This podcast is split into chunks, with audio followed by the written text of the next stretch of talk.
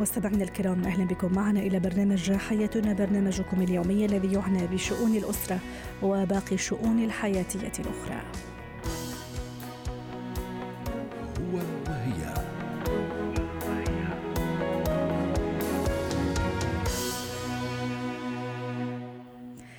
الزواج علاقة تكاملية لا تمنع بأي شكل من الأشكال أن يحتفظ كل طرف من الطرفين بهامش من الحرية والاستقلالية التي تسمح لهما بالاستمرار بالقيام بأنشطة تجلب لكل واحد منهما السعادة بعيدا عن الشريك. نتحدث اليوم عن كيفية الموازنة خاصة بالنسبة للزوجة. كيف تقيم هذا التوازن بين استقلالياتها لكن دون المساس باستقرار العلاقة الزوجية؟ للحديث عن هذا الموضوع الموضوع تنضم إلينا عبر الهاتف من عمان دكتورة عصمت حوسو رئيسة مركز الجندر للاستشارات النسوية والاجتماعية يسعد مساك دكتورة عصمت كيف لي أن أحافظ على جزء من استقلاليتي لكن دون أن يؤثر هذا على العلاقة الزوجية وعلى أسرتي بشكل عام؟ يعني نحن متفقون بهذا البرنامج إنه دائما نحكي بلغة الاثنين وليس بلغة أحادية. من زمان إحنا ف... متفقين من أول يوم. نعم صحيح. فالحفاظ على المساحة الشخصية آه، عند الزوجين مهمة. آه عشان للأسف يعني من المفاهيم المغلوطة عن الزواج إنه هو آه مؤسسة خانقة ضاغطة. طبعا المرأة تعاني أكثر من هذا الخنق والضغط بحكم الإرث الثقافي وبحكم الموروث آه، الثقافي في آه، الرخص الاجتماعية الممنوحة للرجل أو الزوج أكثر. آه، ولكن حتى يعني نحاول نعطي نصيحة للأزواج أو المقبلين على الزواج طالما أي, أي شيء خاص لا يؤثر على الوحدة والنحن للعلاقة فهو بالتالي آه، هو حرية شخصية آه، يحق للزوج أو الزوجة أن يبوح به أو يتمنى عن الإباحة به. بمعنى آه، أي شيء بتعلق بكرامة الآخر باحترام الآخر في الحضور والغياب في معلومة يجب أن يعرفها الآخر بغض النظر عن أهميتها هون لا تعتبر مساحة شخصية. ولكن مثلا في العلاقة مع الأهل في مجال العمل. آه، طبعا أكيد مش تغيير العمل أو تغيير الدخل آه, آه, آه، للأحسن أو للاسوء ما يعرف الشريك. بالذات إذا كان في هناك آه تقاسم آه أو مشاركة حقيقية واضحة بين الاثنين في الأمور الاقتصادية. آه الأصدقاء مثلا الجهاز الخلوي وهذا يعني من أكثر المشاكل اللي الدائم الحالية يعني في العالم في العصر الرقمي الحالي نعم. طالما أحد الشركاء لا يخفي شيء عن الآخر أو لا يهينه في علاقاته وأصدقائه على كافه وسائل التواصل مثلا لا يحق للآخر أن يعبث في الجهاز الخلوي. لكن هون هون نقطة شوي حرجة لأنه آه، مرات الزوج غالبا آه، بقلب الموبايل. مثلا هي أحد المساحة الأمور التي تنتهك المساحة الشخصية وتنتهك المساحة الوحدوية بين في العلاقة بين الاثنين.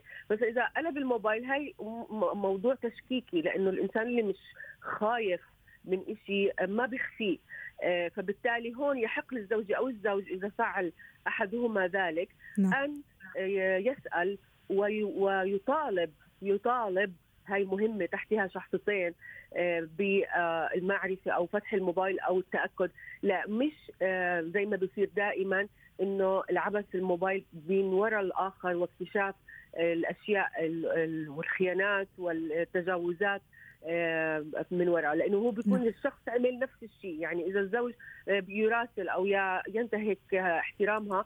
هي إذا عملت من وراء تنتهك خصوصيته كمان فالاثنين نفس الشيء مع الاختلاف تعريف الخيانة. نعم. والعكس صحيح طبعا. طيب. لكن نعم دكتورة عصمت إلى أي درجة آه، أيضا يجب أن يكون لي أنا كزوجة؟ ربما أيضا الحديث اليوم عن زوجة أكثر ست عصمت لأنه أحيانا نكون في انشغالات كثيرة. حضرتك تعرفي الأولاد تربية الأولاد ضرورة الوجود دائما معاهم إلى جانبهم وما إلى ذلك. إلى أي درجة لازم تكون عندي أنا الشجاعه كزوجة إني أقتطع جزء من الوقت لنفسي أنا. أوكي. هذا سؤال آخر. يعني هذا مجال آخر يعني آه طبعا. لا هو دائما ينص يعني ضمن بند الاستقلالية إني كمان تكون عندي مساحتي الخاصة. نعم. إحنا للأسف دائما تعريف الأمومة أو سكيما الأنوثة عندنا بمجتمعنا آه، إنه آه، قائمه على الإذعان والتضحية، فلا تستمتع المرأة بوقتها إذا خصصت وقت لنفسها بعيدا عن زوجها وبيتها وأولادها. آه، تنشأت المرأة أن تشعر بهذا الشعور، لذلك لا تستمتع في أي مساحة شخصية، وهي الأمور جزء من التمكين اللي إحنا بنقدمه للمرأة، إنه عشان تقدري تعطي أكثر لزوجك ولأولادك، لازم أنت تكوني مشبعة بمساحتك الشخصية بأي أمور خاصة. آه، سواء كانت مثلا بالقراءة بالرياضة بالاهتمام بالذات في الذهاب للصالون مثلا آه، الخروج مع أحد الأصدقاء. هذا الوقت يجب أن تتعلم المرأة أن تأخذ لنفسها حتى تشحن نفسها مرة أخرى للعطاء جميل. لأن الأمومة أو الزواج عطاء وليس تضحية فما بصير إحنا لازم نخرج من إطار آه، إقناع المرأة وتربيتها على أن زواج الأمومة تضحية لا هي مش تضحية لأنه دائما ترتبط التضحية بالندم إذا لم يأخذ الإنسان أو تأخذ المرأة آه، توقعات بمستوى عطائها آه، جميل. بمستوى تضحيتها آسف. نعم. فبالتالي إذا ربيناها أو علمناها أنه هذا عطاء وعطاء متشارك. فهي المرأة التي تستطيع أن تعلم زوجها العطاء أيضا وتعلم أبنائها وليس العكس لأنه عقل الذكر يعمل على تكرار السلوك. أما عقل المرأة هو أقدر على آه، وضع أسس أو بنية تحتية قوية بماذا تريد وما ترغبه. جميل. دكتورة عصمت جدا. نعم. دكتورة عصمت أيضا أود أن أركز على موضوع آخر اللي هو دائما طبعا يندرج ضمن ضمن موضوعنا اللي هو الرفض الإيجابي بمعنى عادة يعني خاصة في بداية الحياة الزوجية. أحيانا يعني أجبر نفسي كزوجة وأحيانا كزوج أيضا أني يعني أحب الأشياء اللي يحبها الزوج أو هواياته حتى إذا أنا ما كانت تعجبني كثير هذا هذا الهواية رغم أنه مشاركة الهوايات أو التشارك فيها أمر جيد ومحبب. الرفض الإيجابي أيضا هل هذا مهم؟ أني أقول لا ربما هذه الهواية ما تعجبني أو هذه الطريقة ما تعجبني. لا الرفض غير مقبول في العلاقة بين الزوجين. حتى إذا كان إيجابي؟ حتى لو كان إيجابي لأنه برضه هاي أحد الأسس الهامة لتحسين نوعية العلاقة الزوجية. م. كل إنسان فينا له اهتمامات مختلفه عن الآخر. صحيح. وبالذات اهتمامات الإناث غير عن الذكور هاي قاعدة. هلأ آه، آه، بالتأكيد آه، اهتمامات الرجل غير عن المرأة. حتما. فبالتالي بناء على ذلك حتى نخلق هذه الوحدة بيننا يجب أن يعني نبوح لبعض.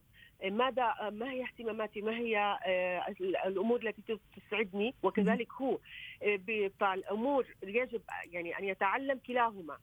أن آه، يشارك الآخر باهتماماته حتى يشاركه الآخر بالاهتمامات الأخرى جميل واضح. وترك مساحة شخصية واضح. عندما يريد أي منهما مشاركة اهتماماته الخاصه واضح. دون أن يؤثر على نوعية الوقت نعم. والعطاء للآخر شكرا لك دكتورة عصمت حوسو رئيسة مركز الجندر للاستشارات النسوية والاجتماعية حياه